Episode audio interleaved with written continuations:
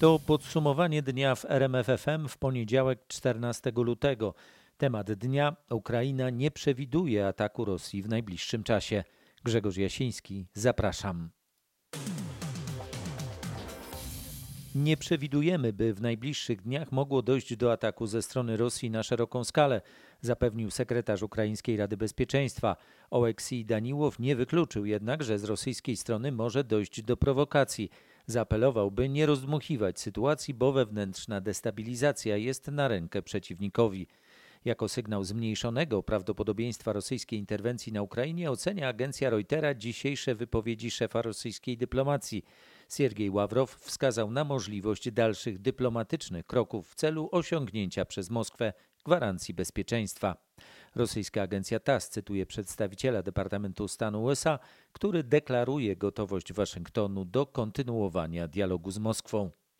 Polscy dyplomaci na razie nie są wycofywani z Ukrainy, informuje resort spraw zagranicznych. Zbigniew Rau, szef tego ministerstwa, wyleciał dziś do Moskwy, przede wszystkim w roli przewodniczącego Organizacji Bezpieczeństwa i Współpracy w Europie. Tam będzie pracował nad deeskalacją napiętej sytuacji wokół Ukrainy. Zbigniew Rau spotka się z Siergiejem Ławrowem, szefem rosyjskiej dyplomacji. Wśród wielu tematów pojawi się na pewno kwestia spotkania Rosja-Ukraina. O jego zorganizowanie w ramach tzw. Tak dokumentu wiedeńskiego poprosił OBWE Kijów. Część krajów, m.in. Stany Zjednoczone, wycofało z Ukrainy swoich obserwatorów działających właśnie w ramach Organizacji Współpracy i Bezpieczeństwa w Europie. Wycofują się różne osoby. Nie wycofują się polscy obserwatorzy, monitorzy, co warto podkreślić i za nich odpowiadamy. Poinformował rzecznik polskiego MSZ-u Łukasz Jasina. Misja obserwacyjna OBWE na Ukrainie, zwłaszcza na wschodzie, ma cały czas trwać, choć z powodu wycofania części obserwatorów w mniejszym składzie. Informuje nasz reporter Paweł Balinowski. Możliwy jest szczyt przywódców Unii Europejskiej w sprawie Ukrainy na marginesie odbywającego się pod koniec tygodnia szczytu Unia Europejska-Unia Afrykańska, ustaliła nasza dziennikarka w Brukseli Katarzyna Szymańska-Borginą. Zorganizowanie szczytu to m.in. postulat Polski. Premier Mateusz Morawiecki uczestniczył w wideokonferencji z przewodniczącym Rady Europejskiej Charlesem Michelem oraz szefami rządów Finlandii, Grecji, Holandii i Słowacji. Kiedy taki szczyt w sprawie Ukrainy mógłby się odbyć? Nie ma jeszcze formalnej decyzji przewodniczącego Rady Europejskiej w tej sprawie, ale jak usłyszałam, trudno sobie wyobrazić, żeby unijni przywódcy, którzy przez dwa dni będą w Brukseli, nie spotkali się i nie porozmawiali o Ukrainie. Do spotkania w sprawie Ukrainy może dojść przed szczytem z Unią Afrykańską, a więc we czwartek do południa albo po południu w piątek. Podczas wideokonferencji omawiano także kwestię sankcji. Niektóre kraje, takie jak Polska czy państwa bałtyckie, brytyjskie chciałyby upublicznienia możliwych surowych sankcji, żeby zadziałał efekt odstraszający. Inne państwa uważają, że nie należy tego robić, bo mogłoby to być odebrane jako zakończenie wysiłków dyplomatycznych, a nawet jako akt agresji. Nikt natomiast nie podważa konieczności surowych sankcji w razie ataku Rosji na Ukrainę. Informuje Katarzyna Szymańska-Borginą, do której jeszcze wrócimy. Jesteśmy przygotowani tak o ewentualnym przyjęciu uchodźców z Ukrainy, mówi prezydent Wrocławia Jacek Sutryk. W mieście jest dla nich kilka tysięcy miejsc, dodaje. Bardzo niepokoi nas we Wrocławiu ta sytuacja e, na Ukrainie. Pozostajemy e, w ścisłych relacjach i w kontakcie z naszymi partnerami na Ukrainie, szczególnie e, w Lwowie. Jesteśmy w rozmowach z panem wojewodą dolnośląskim. Przesłaliśmy listę miejsc, ośrodków, różnego rodzaju instytucji, w których ewentualnie e, Ukraińcy uciekający przed e, tym kryzysem wojennym mogliby znaleźć schronienie. To wszystko jest do decyzji pana wojewody. My jesteśmy przygotowani. Prezydent Jacek Sutryk podkreśla, że we Wrocławiu mieszka 100 tysięcy Ukraińców. Miejsca kwaterunku dla 150 tysięcy osób mają zostać zorganizowane w Małopolsce. Takie są według nieoficjalnych informacji plany na wypadek fali uchodźców z Ukrainy. Samorządy mają przesłać listę takich miejsc do Urzędu Wojewódzkiego. Część samorządów rozważa kwaterowanie ewentualnych uchodźców m.in. w budynkach, w których mieściły się izolatoria, ale także i w szkołach. Wykorzystane mogłyby zostać także niektóre obiekty sportowe czy sanatoria. Każdy samorząd posiada plan na wypadek sytuacji kryzysowej, np. powodzi i w pierwszej kolejności wykorzystane miałyby być miejsca w takim planie oznaczone. Aktualizacja jest jednak konieczna, bo miejsca powinny być dostosowane na pobyt dłuższy niż kilka dni. Szeroko pojęta aktualizacja planów, procedur mieszczących mieszczących się w zarządzaniu kryzysowym jest tak naprawdę zadaniem standardowym. Oczywiście wszelkiego rodzaju aktualizacje teraz odbywają się w szczególnym kontekście. Mówiła Joanna Paździo z Małopolskiego Urzędu Wojewódzkiego. Przygotowania trwają także w samym Krakowie. Miasto planuje m.in. stworzyć specjalną infolinię dla uchodźców. Tutaj rozwiązania bierzemy pod uwagę różne. Mamy również zaplanowane takie spotkania ze środowiskami ukraińskimi, z ludźmi, którzy najlepiej wiedzą, jakie są potrzeby, jak należy rozmawiać, co ewentualnie od nas by oczekiwano. Mówił Dariusz Nowak z krakowskiego magistratu. A cytował go Marek Wiosło. Trwają przygotowania na wypadek fali uchodźców z Ukrainy, powiedziała rzeczniczka Komisji Europejskiej. Dana Spinant zapewniła, że Unia będzie przygotowana na ewentualny napływ uchodźców z Ukrainy do Polski. Co można więcej powiedzieć o tej pomocy w razie kryzysu migracyjnego? Moi rozmówcy w Komisji Europejskiej przyznają, że trwają rozmowy ze stroną polską w tej sprawie. Jak ustaliłam, w przyszłym tygodniu do Polski udaje się unijna komisarz do spraw polityki wewnętrznej Ilva Johansson. Jeden z moich rozmówców stwierdził, że zdziwiłby się, gdyby ta sprawa nie była poruszona podczas spotkania komisarz z ministrem spraw wewnętrznych Mariuszem Kamińskim. Jak mówią moi rozmówcy, są przygotowywane plany pomocy, ale każda forma pomocy będzie zależała od potrzeb zgłoszonych przez Polskę i od tego, jaka będzie ewentualna skala kryzysu. Czy będą to miliony uchodźców, czy skala będzie mniejsza. Unia będzie mogła udzielić Polsce wsparcia finansowego, rzeczowego, na przykład niezbędnego sprzętu w ramach mechanizmu kryzysowego, po wsparcie operacyjne. Jak powiedziała rzeczniczka komisji, na stole leży także pakiet migracyjny, który jest reformą przepisów azylowych. Informuje nasza korespondentka w Brukseli Katarzyna Szymańska-Borginą. Najmniej od ponad miesiąca, prawie 13,5 tysiąca nowych zakażeń koronawirusem potwierdzono w Polsce ostatniej doby. Zmarło na COVID-19 17 osób.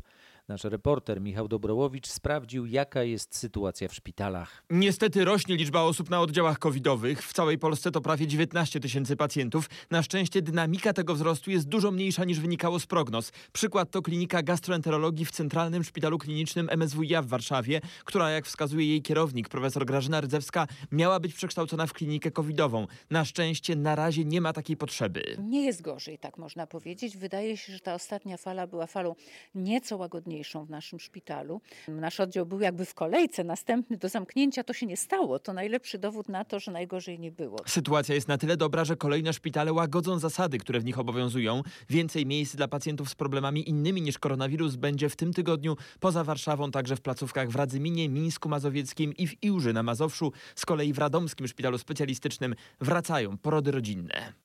400 łóżek covidowych w Śląskiem do końca lutego zostanie odblokowanych dla pacjentów niezakażonych koronawirusem. Obecnie w szpitalach w regionie leży ponad 2000 chorych na COVID.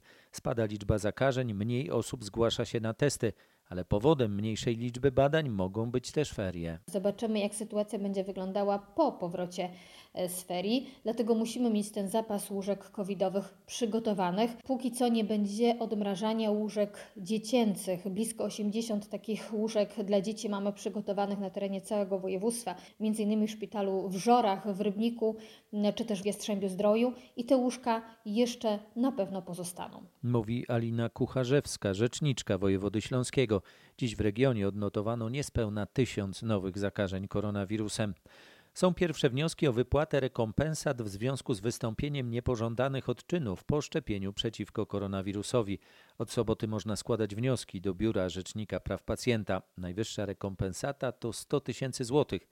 Ile osób złożyło dokumenty? Na razie kilkanaście. W sobotę pierwszego dnia przyjmowania wniosków drogą elektroniczną wpłynęło siedem pierwszych wniosków. Wszystkie będzie je teraz analizowała powołana do tego specjalna komisja. Nie można więc na razie mówić o masowym napływie wniosków, biorąc pod uwagę, że dotąd oficjalnie zarejestrowano 18 tysięcy nopów, ale przecież wykonano 52 miliony szczepień, a więc jakikolwiek odczyn niepożądany zdarzył się u co 3 tysięcznej osoby, ale do funduszu można zgłaszać wyłącznie te najbardziej poważne zdarzenia. W sytuacji wystąpienia wstrząsu anafilaktycznego, który skutkował tym, że należało obserwować pacjenta w szpitalu, bądź w sytuacji, kiedy pacjent doznał tak ciężkiego, niepożądanego odczynu poszczepiennego, który skutkował hospitalizacją powyżej 14 dni. Mówi rzecznik praw pacjenta Bartłomiej Chmielowiec, a więc to radykalnie zawęża grupę osób, które mogą ubiegać się o odszkodowanie, a od przyszłego roku fundusz kompensacyjny obejmie wszystkie szczepienia, nie tylko te covidowe. Warszawa, Mariusz Piekarski. Z orzeczenia Trybunału Sprawiedliwości Unii Europejskiej nie wynika obowiązek przeproszenia sędziów, przekonuje poseł Prawa i Sprawiedliwości Marek Ast. Gość Bianki Mikołajewskiej w popołudniowej rozmowie w RMFFM pytany był o projekt ustawy dotyczący ochrony niezawisłości sędziów. My wykonujemy y, rozstrzygnięcie Trybunału Sprawiedliwości Unii Europejskiej, ale trzeba pamiętać, że y, mamy orzeczenia y, Trybunału Konstytucyjnego, Polskiego Trybunału Konstytucyjnego, który stwierdził zgodność z konstytucją y, przepisów, y, w oparciu o które do tej pory toczyły się postępowania y, dyscyplinarne. I intencją tego projektu jest zażegnanie sporu z Komisją Europejską, nawet jeżeli nie godzimy się z orzeczeniem Trybunału Sprawiedliwości Unii Europejskiej. Cała rozmowa jest na naszej stronie rmf24.pl. Małopolska kurator oświaty zwróciła się z prośbą do prezydenta Andrzeja Dudy o podpisanie tzw. Tak ustawy Lex Czarnek, podkreślając ogromną liczbę zapytań w sprawie działalności organizacji pozarządowych w szkołach bez przedstawienia jednak szczegółowych danych. Do kuratorium miało wpłynąć ponad 31 tysięcy maili z protestem od rodziców w sprawie działalności w szkołach organizacji pozarządowych oraz z poparciem dla ustawy ministra edukacji. Kuratorium twierdzi, że problem jest ogromny, ale nie jest w stanie przedstawić dokładnych danych dotyczących tego, ile przeprowadzono kontroli i w ilu przypadkach wystąpiły nieprawidłowości. Sytuacja jest ogromnie poważna. Jeżeli by nie była poważna, myślę, że ludzie by ani nie protestowali, ani też by nie udzielali mi poparcia. Panie prezydencie, prezydencie, bardzo prosimy o to, żeby można było zadbać o to, żeby nasze dzieci w polskich szkołach były bezpieczne. Mówiła małopolska kurator oświaty Barbara Nowak. A cytował ją nasz reporter Marek Wiosło. Samorządowcy, naukowcy i biskupi z Kujawsko-Pomorskiego w oficjalnej wspólnej deklaracji protestują przeciwko przekazaniu Węgrom bezcennego XV-wiecznego manuskryptu. Kodeks Macieja Korwina znajduje się w toruńskich zbiorach od pięciu wieków. Rząd za pomocą specjalnej ustawy chce oddać manuskrypt do Budapesztu w podziękowaniu za przekazanie Polsce zbroi Zygmunta Augusta. Ta deklaracja ma trafić do posłów i senatorów. E, i do Ministerstwa Kultury, ale w tej chwili pomysłodawcy, władze Torunia i województwa zbierają pod nią podpisy. Mówią o unikalnej wartości historycznej dokumentu wpisanego na listę UNESCO i ogromnej stracie dla polskiego dziedzictwa w przypadku jego oddania. Jest też propozycja stworzenia kopii, którą można byłoby przekazać Węgrom. Wykonamy ją tylko wtedy, kiedy rzeczywiście będzie takie oczekiwanie. Na razie takowego nie mamy. Mówił marszałek Kujawsko-Pomorskiego Piotr Całbecki. Pomysłodawcy oddania kodeksu Korwina przekonują, że dla Węgrów ma on jeszcze większą wartość, bo dotyczy biblioteki ich króla, a oni, oddając nam przed rokiem zbroję naszego monarchy, zdobyli się na podobny gest. Przypominał Paweł Balinowski. Polska Grupa Górnicza dostała pierwsze transze środków z budżetu państwa na tak zwaną redukcję zdolności produkcyjnych.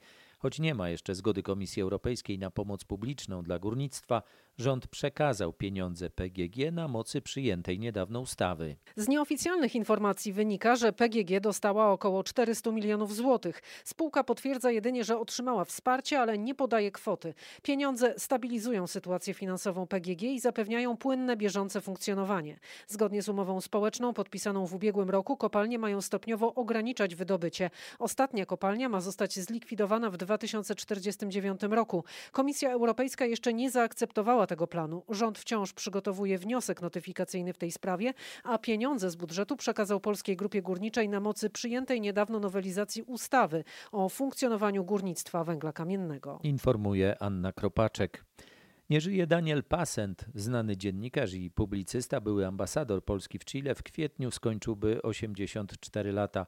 O śmierci publicysty związanego przez całe życie z tygodnikiem Polityka poinformowała redakcja. Daniel Passent był uosobieniem całego pokolenia dziś już niemal zapomnianych dziennikarzy, którzy kształtowali opinię publiczną w czasach komuny, ale w sposób na tyle, na ile to możliwe, odległy od topornej propagandy tamtych czasów. Jego felietony w polityce w bolesnym czasie stanu wojennego brały w obronę komunistyczne władze, dalekie były jednak od prymitywnej propagandy partyjnej lejącej się ze wszystkich pozostałych oficjalnych mediów. Chociaż jego poglądy były pomyśli władzy, przekazywane były w sposób, który wielu z nas uczył krytycznej analizy i mechanizmów działania polityki, to zaś umiejętność zawsze w zawodzie dziennikarza potrzebna. W ostatnich latach Daniel Passent ograniczył swoje publikacje jednak na to, co mówił, jeśli już to robił, warto było zwracać uwagę. Robili to nawet ci, którzy się z nim fundamentalnie od lat nie zgadzali. Przypominał Tomasz Skory.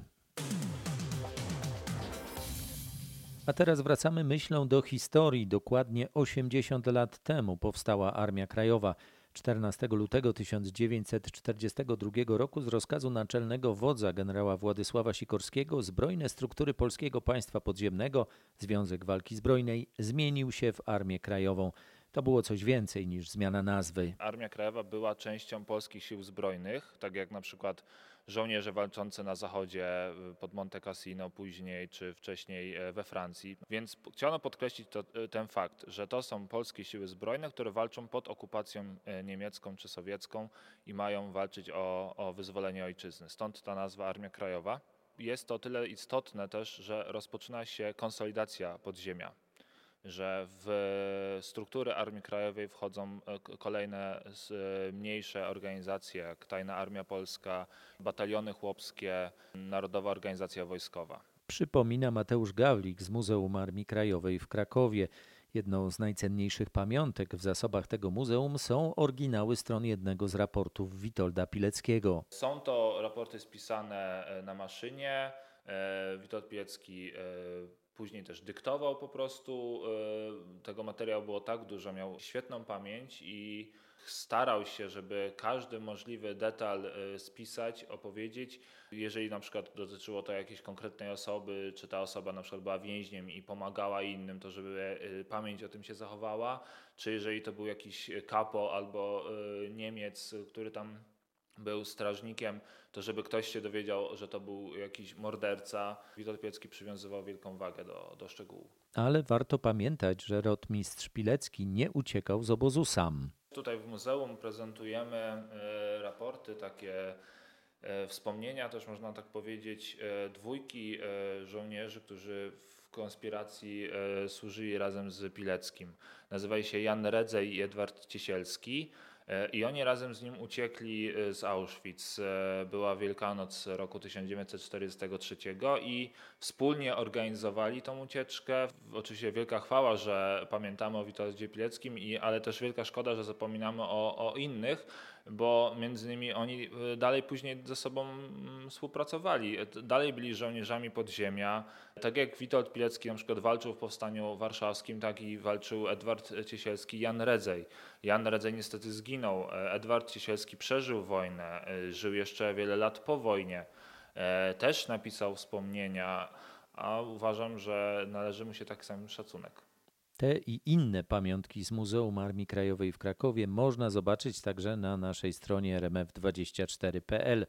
Porucznik Teresa Stanek, pseudonim Mitsuko, prezes Światowego Związku Żołnierzy AK, chciałaby wyjątkowego upamiętnienia tej daty. Też marzę o tym i mam taką nadzieję, że ten dzień nie będzie tylko dniem teraz, jutro, pojutrze tego roku, w którym jesteśmy.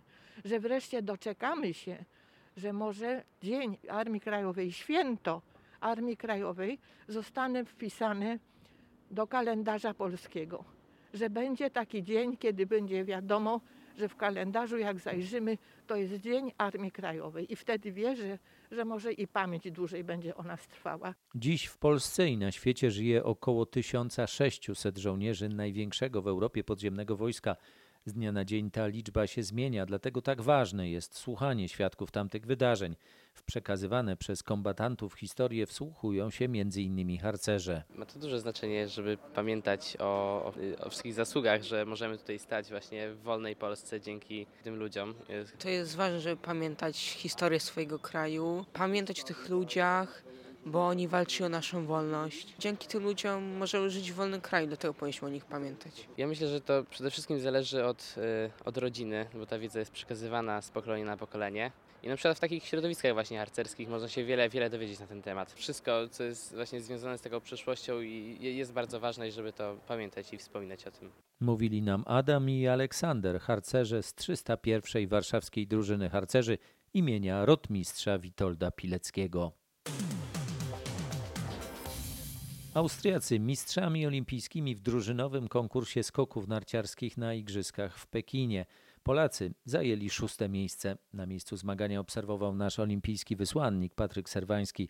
Czy były szanse na lepszy rezultat? Ta nadzieja tliła się, gdy pierwszą serię świetnym skokiem zakończył u nas Kamil Stoch, drugą nieźle rozpoczął Piotr Żyła, ale później ta nadzieja zgasła i trzeba przyznać, że od podium byliśmy daleko. No prosta matematyka, tam do, jakbyśmy wszyscy dołożyli po 5 metrów, to bez problemu, nie? Ale, ale właśnie, gdyby babka miała wąsy, to by była dziadkiem. No dzisiaj e, walczyliśmy, ale ta walka po prostu nieudana, no. Komentował Dawid Kubacki. Każdy z naszych zawodników dziś z niedosytem. Piotr Żyła powiedział, że igrzyska chyba go nie lubią. E, Kamil Stoch dodał, że wywiezie stąd cenne doświadczenie, ale zabraknie czegoś namacalnego, no czyli po prostu medalu. Z kolei Paweł Wąsek ogólnie ocenił swój igrzyskowy debiut jako względnie udany.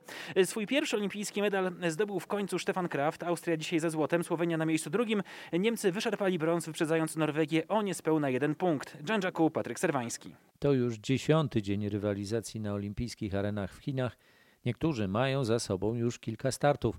Biatlonistka Monika Hojnisz-Starenga, która na olimpijskiej trasie rywalizowała już trzy razy, podkreśla, że każdy start jest coraz trudniejszy. Z startu na start jest coraz ciężej i organizm to czuje, ale, ale widzę, że każda zawodniczka przeżywa to samo i ta wysokość niestety powoduje to, że ciężej się regenerujemy. Mówiła Hojnisz-Starenga, która wystąpi jeszcze w sztafecie i biegu masowym. Raport specjalny o igrzyskach w Pekinie jest na rmf24.pl. Iga Świątek bez problemu awansowała do 1-8 finału turnieju w Dubaju. Polka pokonała dziś Darię Kasatkinę, tracąc w całym meczu zaledwie trzy gemy. Starcie z Rosjanką trwało nieco ponad godzinę. Kolejną rywalkę Polka pozna jutro. Będzie nią lepsza z pary Sofia Kenin, Jelena Ostapienko. Były selekcjoner piłkarskiej reprezentacji Jerzy Brzęczek wraca do pracy, a jego przełożonym będzie jego siostrzeniec. Brzęczek został trenerem Wisły Kraków. Jakub Błaszczykowski, były reprezentant i wciąż aktywny piłkarz, zasiada w Radzie Nadzorczej klubu i niedawno jeszcze wspomagał Wisłę na boisku. Podczas prezentacji trenera padło właśnie pytanie o Błaszczykowskiego, czy uczestniczył w rozmowach i kiedy wróci na boisko. Trudno, żebyśmy z Kubą na temat piłki nożnej nie rozmawiali, tylko ze względu na to, że jesteśmy rodziną. Zarzuca się, że mamy nie rozmawiać. Myślę, że tutaj nie miały wpływu na to żadne koneksje e, rodzinne i dla nas najważniejszą są kwestie wartości, umiejętności. To jest decydujące. Jak widać w naszej rodzinie jest kilka osób płci męskiej, ale tylko my we dwóch graliśmy w piłkę. Nie wiem dlaczego akurat w stosunku do naszych dwóch osób jest to bardzo często negatywny komentarz. Pierwszy mecz pod wodzą nowego trenera Wisła rozegra za tydzień. Rywalem będzie Górnik Łęczna. W dzień świętego Walentego zakochani chętnie odwiedzali lubelskie kościoły, w których są jego relikwie. Na przykład kościół nawrócenia świętego Pawła. Jeszcze narzeczeństwo. I Narzeczeństwo. Właśnie, właśnie tutaj, tutaj byliśmy w tym kościele parę miesięcy temu. Ofiarowaliśmy też modlitwę w intencji naszego narzeczeństwa i, i przyszłego małżeństwa. Właśnie tutaj. Walentemu, kościele. tak? Tak, dokładnie. Także chyba, chyba posłuchał. No. Czyli rozumiem, wszystko cały czas jest na dobrej drodze, tak? Tak, dokładnie. Kiedy przyjdziecie do Walentego już jako małżeństwo? A, już w maju. Tak. Usłyszał nasz reporter Krzysztof Kot. Coraz chętniej wchodzimy w nowe związki i coraz łatwiej kończymy dotychczasowe relacje. To wnioski z opublikowanych dziś przy okazji walentynek wyników badania Miłość w czasach zarazy. Okazuje się, że do związków podchodzimy coraz bardziej krytycznie. Te badania pokazują, że wzrasta w nas chęć wychodzenia ze związków. Odwaga? To jest jakaś forma odwagi, ale to jest forma i odwagi, i forma pewnej świadomości zadbania o siebie. Pewne, że walentynkowo powinniśmy mówić bardziej optymistycznie, chociaż wyjście z związku, który jest niedobrym związkiem, to też kosztuje często ludzi duży wysiłek. I nie ma nieraz co mieć pretensji do siebie, że miłość się skończyła czy kończy, albo związek nam się nie udaje. Coraz więcej Polaków chce być jednak w związku. Ludzie coraz częściej będą mówili: Jestem w związku i mieszkamy osobno. Ty mieszkasz w tej dzielnicy, a ona w tamtej dzielnicy, ale również kiedy będziecie mieszkali w różnych miastach. Z autorem tych badań, seksuologiem profesorem Zbigniewem Izdebskim, rozmawiał nasz reporter Michał Dobrołowicz. Nawet kilka razy więcej czasu niż przed pandemią Polacy spędzają obecnie korzystając z aplikacji i portali randkowych. To z kolei wniosek z danych zebranych dla RMFFM przez agencję Spicy Mobile. Poniedziałek jest takim dniem, kiedy rzadko korzystamy z aplikacji randkowych. W poniedziałek średnio użytkownicy y, aplikacji randkowych poświęcają im 34 minuty. I to jest mało. I to jest mało, ponieważ w sobotę już możemy poświęcić na randkowanie online nawet półtorej godziny. Czy wiemy, kto najczęściej randkuje online? Tak, w strukturze użytkowników e, przeważają mężczyźni. Teraz e, ta dysproporcja się pogłębiła i mężczyźni stanowią już 70% prawie użytkowników aplikacji mobilnych poświęconych randkowaniu. Podkreśla jedna z autorek raportu Sylwia Szmalec. Jego szczegóły także są na rmf24.pl. Dwa tygodnie przerwy od nauki dla uczniów w kolejnych regionach: śląskie, podkarpackie, łódzkie, lubelskie i pomorskie. Tam dzieci mają ferie. Czekaliście długo na te ferie? Tak, cieszymy się z treningów, że możemy trenować ferie nawet. Technikę poćwiczymy, różne skoki, ogólnie po prostu potrenujemy. Czyli wy na co dzień w ogóle jesteście łyżwiarkami, rozumiem? Tak, tak. Takimi figurowymi czy szybkimi? Łyżwiarce synchroniczne. To jest takie figurowe, tylko że w grupie. Jak wam idzie z tą równością? Wychodzi? Nie jest najlepiej, ale się, jest różnie. Całe dwa tygodnie rozumiem teraz, żeby popracować trochę. Nad techniką bardziej teraz pracujemy. Tylko bardziej nad techniką niż nad synchronem, a później- później pewnie jak wrócimy po feriach, to znowu będzie trenowanie synchronu. Usłyszał nasz trójmiejski reporter Kuba Kaługa na lodowisku na Placu Zebrań Ludowych w Gdańsku. Tam i w słynnej hali Oliwii można w ferie korzystać i z zajęć w szkółkach łyżwiarskich i z indywidualnych ślizgawek. E-sport, gry komputerowe i nowe technologie przedsiębiorców z tych branż ma przyciągnąć po rewitalizacji teren nieczynnej kopalni Wieczorek w Katowicach. Zabytkowe budynki kopalni znajdują się w sąsiedztwie górniczego osiedla Nikiszowiec. Miasto zaprezentowało dziś projekt architektoniczny, który zwyciężył w konkursie. Teren do tej pory służył przemysłowi węglowemu, była to kopalnia Wieczorek z przepięknymi zabytkowymi zabudowaniami, a dzisiaj potrzebujemy nowego pomysłu, nowego ducha niejako, żeby wetknąć właśnie w te pomieszczenia i takim pomysłem jest powstanie dzielnicy nowoczesnych technologii i hubu gamingowo-technologicznego. Zapowiadał prezydent Katowic Marcin Krupa. Tyle na dziś. Kolejne podsumowanie dnia w RMFFM już jutro wieczorem. Grzegorz Jasiński. Dziękuję. Dobrej nocy.